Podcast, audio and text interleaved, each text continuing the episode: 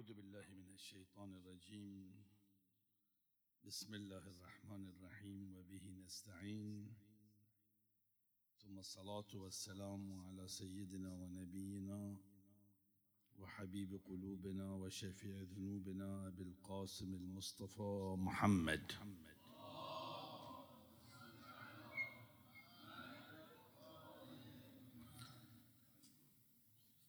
السلام عليك يا أبا عبد الله وعلى الأرواح التي حلت بفنائك.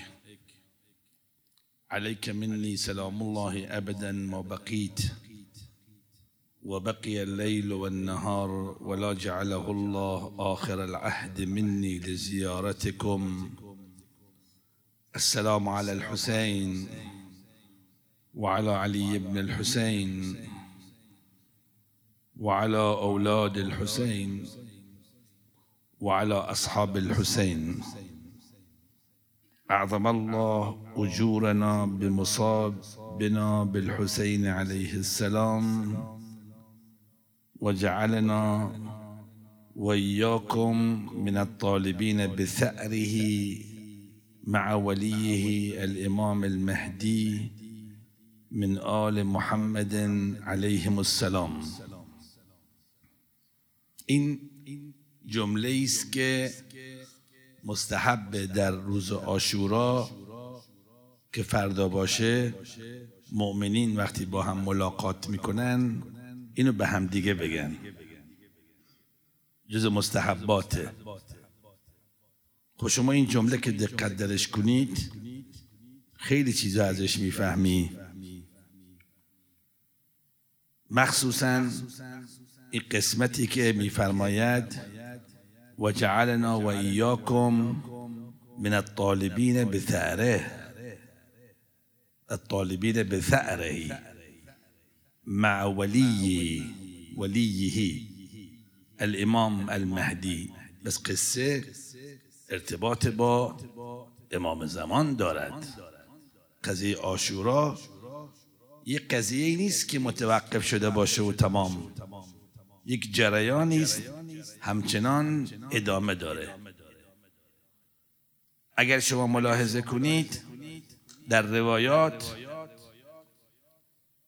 یه روایتی است از امام باقر سلام الله علیه ابو جعفر میفرماید یخرج القائم یوم السبت یوم عاشورا.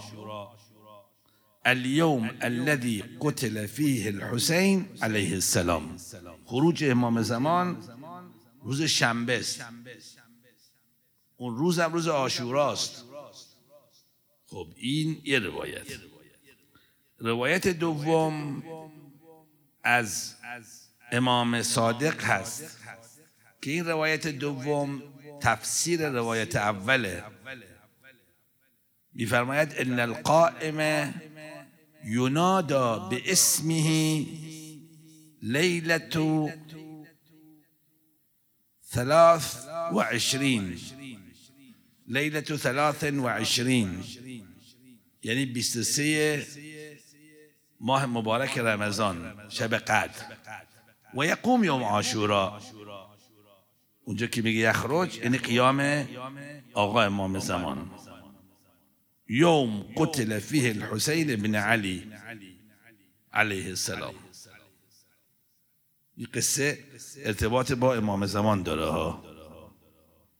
شما اگه دقت کنید مسئله کاملا واضحه که امام حسین حرکتش یک حرکت مهدویه. اصلا هیچ ربطی به جریان اون زمان نداره که محدودش کنی. و میگه کسی که با ما نیاد لم یبلغ الفتح. یعنی نمی‌تونه تو اون جیش شرکت کنه.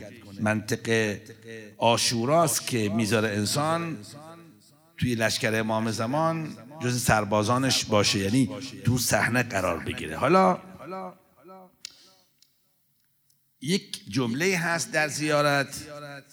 باز هم این جمله در همین راستاست. فاسأل الله الذي اکرم مقامك و اکرمنی بک ان یرزقنی طلب ثارک باز همین مطلبه ها. مع امام منصور. کلمه منصور اینجا دقت کنید. امام منصور. این المنصور.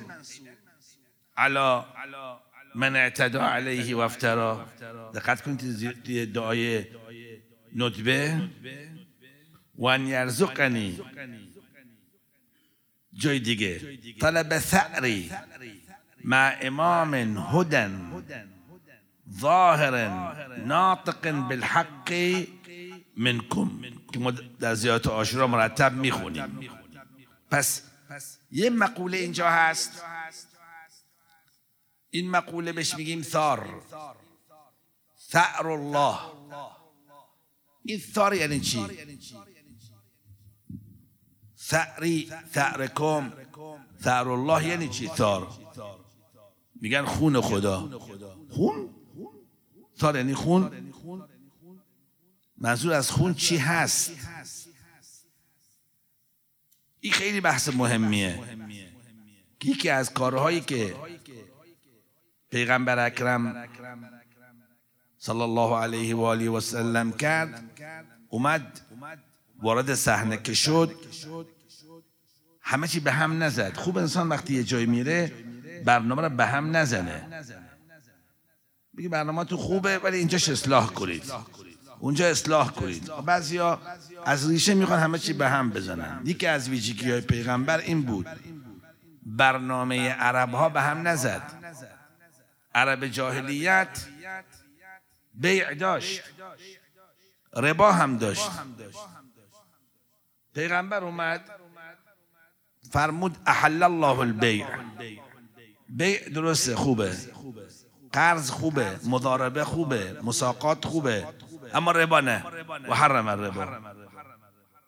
یکی از چیزهایی که عرب ها داشتن اون زمان ثر بود. ثر یعنی چی؟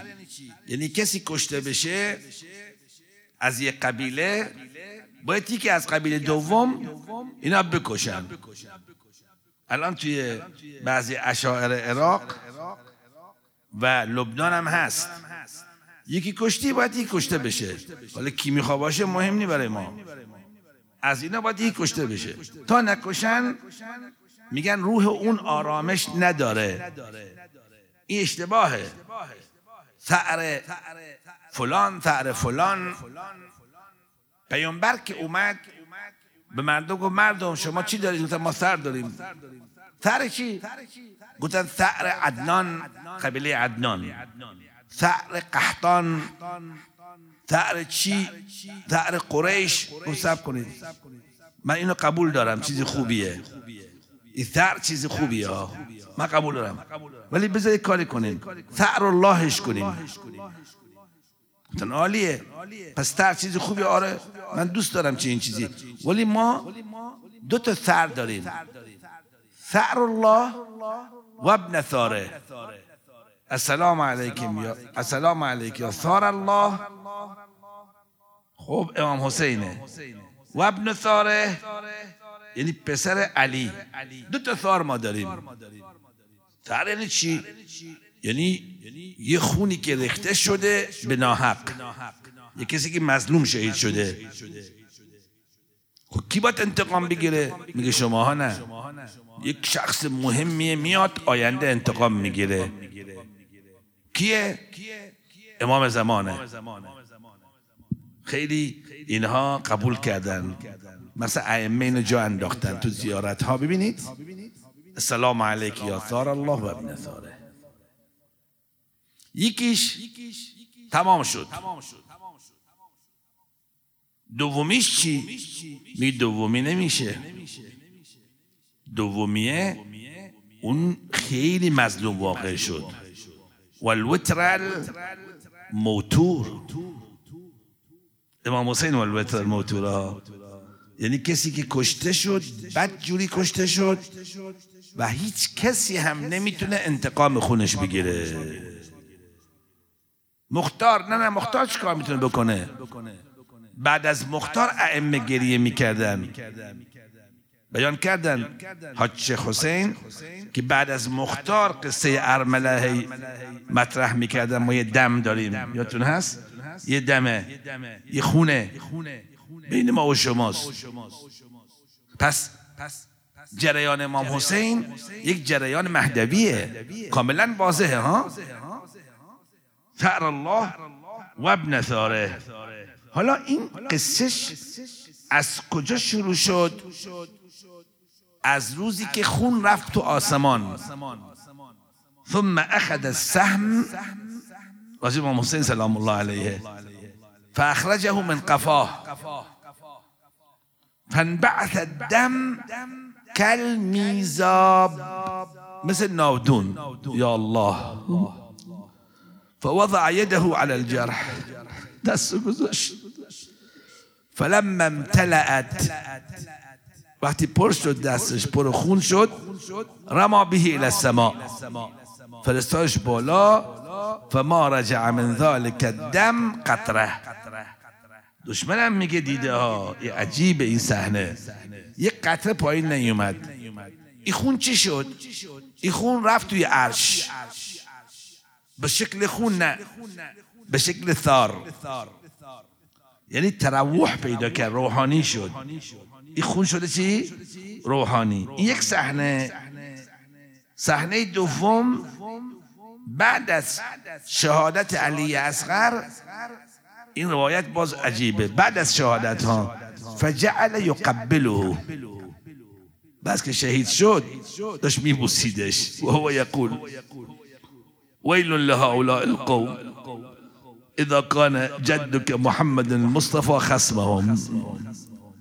امام باقر کوچیک بود دید. قال الباقر فلم يسقط من ذلك الدم قطرة إلى الأرض. دو تا خون رفت بالا. خون امام حسین و خون علی اصغر. ببین چقدر این خون علی اصغر باز نقش داره در حرکت امام زمان. اینجوری فکر کنید ها. که مرحوم سید حیدر حلی می‌دونید یکی از شعرهای معروف هست داشت از حله میومد به طرف کربلا یک قصیده تعلیف کرده بود. یه برنامه داشت. برنامهش این بود که هر قصیده جدید هر که می‌خواد بیاد گوش بده بیا کربلا گوش بده. جای دیگه من نمی‌خونم. بعد این داشت میومد از هله تو مسیر. این قصیده که الان خدمتتون میگم تهیه کرده بود. تو مسیر کسی رو دید سلام کرد گفت سید. علیکم السلام. ظاهرا شبم بوده. روی اسبی بود. گفت که میشه این قصیده ای که الان می‌خوای بخونی تو کربلا الان بخونی برای من؟ گفت نه. نمیشه. قصیده قبلی می‌خوای می‌خونم. این قصیده اگر دوست داره گوش بیدی بیا پیش امام حسین اونجا. اصرار کرد ای آقا. گفت بخون اینا برای من. از بس که اصرار کرد براش خوند. بیت اول خوند بیت دوم. قائب شد اون. فهمید که امام زمانه. قصیده چیه؟ ما تتصبر بانتظارك ایها المحی الشریعه فنهض امام امام زمان منظور امام زمان ها؟ خطاب بهش میکنه. فما ابقى التحمل غير احشاء جزوعة. فالسيف إن به شفا قلوب شیعتك الوجیعه تا اونجا که میگه؟ ماذا یهیجک؟ ماذا يهيجك إن صبرت لوقعة الطف الفجيعة أترى تمر فجيعة بأمض. زي سختر از این. ناگوارتر از این بأمض من تلك الفجيعة حيث الحسين على الثرى خیل العدا. تعبیر بشنو؟ امام زمان قبول کرد این حرف رو. اعتراض نکرد. خیل العدا طحنت می طحنت یعنی چی؟ یعنی آسیاب کرد. له کرد. خیل العدا طحن الضلوع حتی میگن زینب صدا میشنید اینقدر استخون الله میکردن یا الله. شب آشوراست قتلته آل أمية ضامن. لبالا بتشنه إلى جنب الشريعة. بعد این جمله رو میگه ورضيعه بدم الوريد مخضب فاطلب رضيعة. فاطلب رضيعة. خیلی مهمه پس جریان امام حسین همون که دیشب گفتم خدمتتون یک مقوله مهدوی محضه ها اصلا از امام زمان جداش کنید هیچی بیفایده است بیخاصیته. بیخاصیت میشه. منظورم اینه که اون اشخاصی که اون علمایی که بخوان این جریان امام حسین از جریان امام زمان جدا کنن اینا حرفاشون درست نیست نه همه. بزرگان علما حضرت امام آیت الله العظمای بهجت مراجع ازام علمای خودمون. اینها شخصیت هایی که مسئله امام زمان رو با جریان کربلا پیوند میدن. کم هستن یه عده که اینها هی قضیه کربلا رو می‌خوان خشکش کنن. ربطش با آینده ندن. خدا را شکر.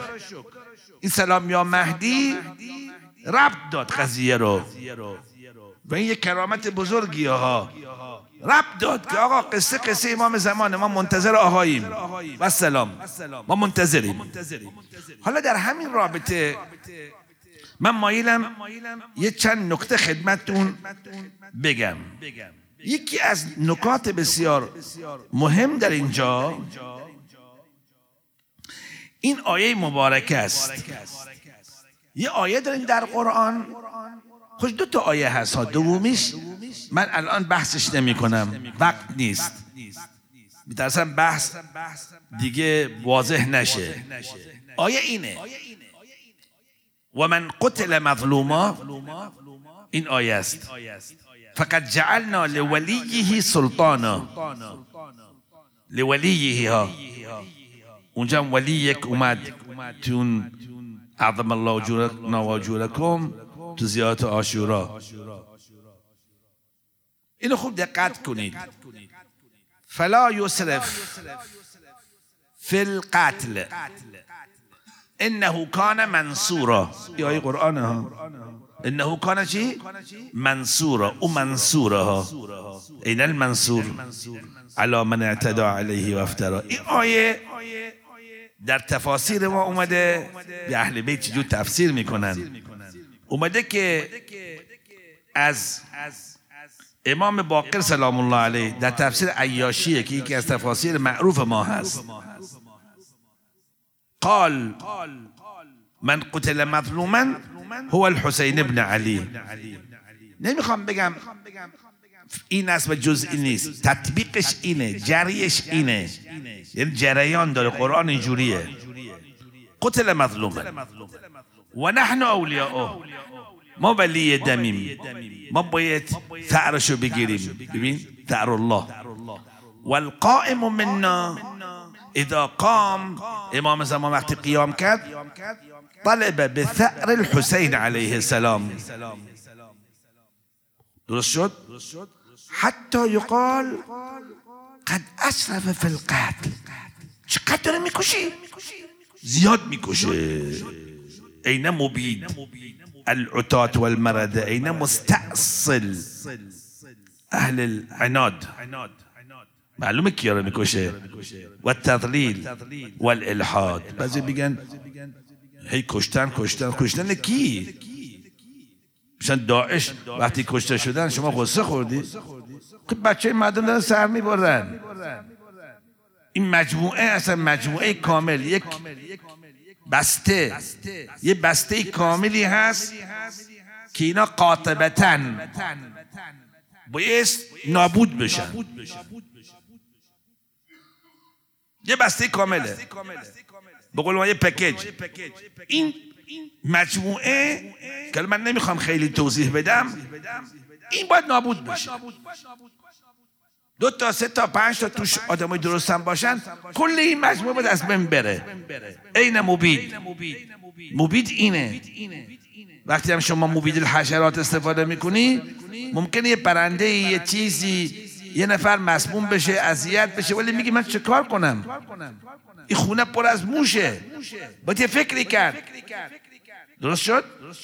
امام زمان می‌خواست می‌خواد عدل ایجاد کنه. بهی املا الله الارض قسطا و عدلا کما ملع ظلما و جورا. باید این مجموعه کامل برداره. راحت شیم ازشون. میگه آ چجوری میشه این؟ میگم شما فکر می‌کنید مثلا زمان نوح. اینه که غرق شدن همشون بد بودن؟ همه غرق شدن. بچه کوچیک هم غرق شدن. چه کار می‌کنی شما؟ اونجا توضیح بده برای من. رب لا تذر الارض من الكافرین دیارا. انك ان تذرهم يضل عبادك ولا يلد الا فاجرا کفاره مجموعه کامل. مجموعه کامل منبوذن. درست شد؟ امام زمان که می‌خواد بیاد می‌خواد این مجموعه از رده خارج کنه تا مجموعه جدید بیاد. خب وقتا در یه وزارت خونه در یک مؤسسه در یه شرکت یه رئیس جدید که میاد میگه ببینید همتون کنار فنش به قول ما. یا این خوبه میگه ببین ما این این مجموعه کامل نمی‌خوایم می‌خوایم مجموعه جدید بیاریم. او آقایی که خیلی خوب هست یه جا کار بهش بدید تخصصش اینه باشه. فعلا بهش جای دیگه. چرا بگید چون ما کار مهمی داریم انجام میدیم؟ شوخی نیست. امام زمان می‌خواد عدل علوی پیاده کنه. آیا اینو میگه. و من قتل مظلوما فقط جعلنا لولیه سلطانا. به چه شعاری با چه شعاری؟ یا لثارات حسین اینجا ما خودمون می‌خونیم تو قرآن. فلا یسرف فی القتل. درسته؟ یسرف یعنی چی? یعنی اسراف نکند. فلا یسرف یعنی اسراف نکند. مثل مالکه و ملکه دوتاش خونده میشه درسته یا نه؟ کفعن کفوان. فلا یسرف ما می‌خونیم. اما اهل بیت ایجور نمی‌خونن. فلا یسرفو. ضمه می‌ذارن. یعنی اصراف نمی‌کنه. مهما یقتل من ضرار قتلت الحسین. خیلی مهمه ها. فلا یسرف فی القتل. چرا؟ چون این مجموعه باید برن. تو زیارت امروز خوندید. تلقین خودت می‌کنی که این مجموعه مجموعه بودن که بشریت رو بیچاره کردن. اگه این جنایت انجام نمی‌دادن امروز ما گرفتار این همه شیطنت های شیطان نمی شدیم هرچی هست برمیگرده به اونجا. ها اقول یا رب قتلنی فلان و فلان. من وارد این صحنه نمی‌خوام زیاد بشم. خودتون می‌دونید. خب حالا برگردیم به نکته اصلی. بعد میگه که روایت دوم در کافیه. کلینی رضوان الله تعالی علیه. راوی میگه سألته عن قول الله عز وجل ومن قتل مظلوما فقد جعلنا لوليه سلطانا فلا يسرف في القتل. قال نزلت في الحسين لو قتل اهل الارض به ما كان سرفا اسراف نیست. خب امام حسین نفرین نکرد. ولا ترضى عنهم الولات ابدا فرقهم تفریقا علی اکبر که کشتن. خب شد اینجوری. و گناه اینا چیه؟ گناه اینا که شدن کلا اهل کوفه. چه کار کنیم ما؟ یه مجموعه این مجموعه حالا توشون کی بوده نبوده ما نمی‌دونیم این حرفا. که با راجع به ابلیس هم صحبت کردم. و شباهات هم گفتم ها. قصه اینه ما الان باید چه کار کنیم؟ یه شما به عنوان یک هیئتی یک جوان شیعه مؤمن چه کار باید بکنی؟ شما باید روحیه مهدوی داشته باشی. روحیه انتقام. از کی؟ از دشمنان حسین. نه از غیر شیعه نه ما با همه رفیقیم. از کسانی که دشمنن حرب لمن حاربکم این روحیه باید تو خود زنده کنی الان. این سلام یا مهدی این روحیه در شما زنده کرد. این یه شعار می‌خوام بگم یعنی امشب که شب آشورا هست مهمترین صفتی که تو باید به دست بیاری اینه. من می‌خوام انتقام بگیرم. امام حسین شهید شد. بعد جوری شهید کردن. شما اگر مقتل حسین بخونی اصلا میگی خدایا تا ای حد چه خبره؟ یه عده تو زمین زندگی بکنن اون زمان. یا بگن ما اینا رو دوست داریم. هیچ هم نکردن. بگن دوستشون داریم. وقت اینا توی زمین باشن. رزق خدا بخورن. حرومشون باشه. بگن ما دوستشون داریم. همین که دوستشون داریم. نمیگه دستشون درد نکنه. میگه حالا چی شده؟ مثلا کسی اینجوری بگه چیزی نشد. براش مهم نیست پسر, پیغمبر به چه جوری شهید شد. ببین چی میگه. الان من این عبارت رو بخونم. دیگه ترجمه نمی کنم ولما اثخن بالجراح. شبه شو أصلا. يا حجة الله يا صاحب الزمان يا فاطمة. فاطمة وزود لها. أنا الوالد وأنا أم الأحزان ودور عزبني وين ما كان. إمام الزمان وجود وجود داره حضور داره. ولما أثخن بالجراح طعنه صالح بن وهب على خاصرته. طعنة فسقط عن فرسه إلى الأرض على خده الأيمن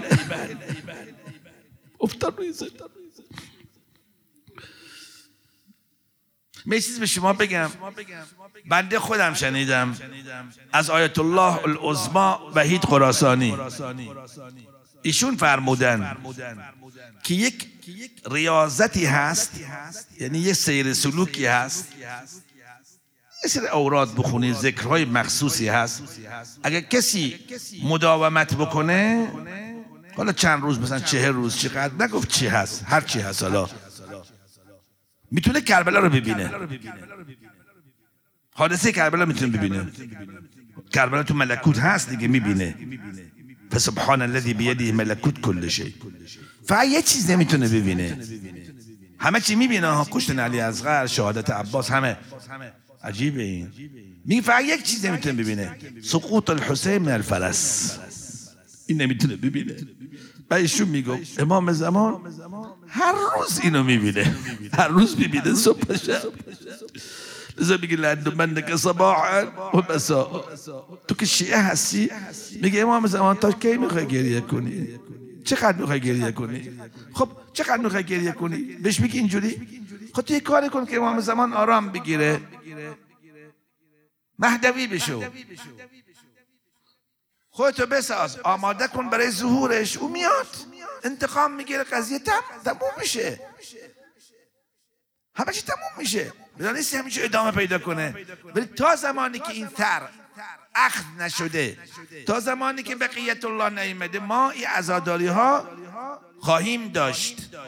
بعد میگه که وهو يقول بسم الله وبالله وعلى ملة رسول الله. وخرجت زينب من الفسطاط وهي تنادي وأخاه وسيدا وأهل بيتاه ليت السماء أطبقت على الأرض وليت الجبال تدكدكت على السهل. وصاح الشيم بأصحابه ما تنتظرون بالرجل. فحملوا عليه من كل جانب. أيوا حسينا. فضربه زرعة بن شريك على كتفه اليسرى.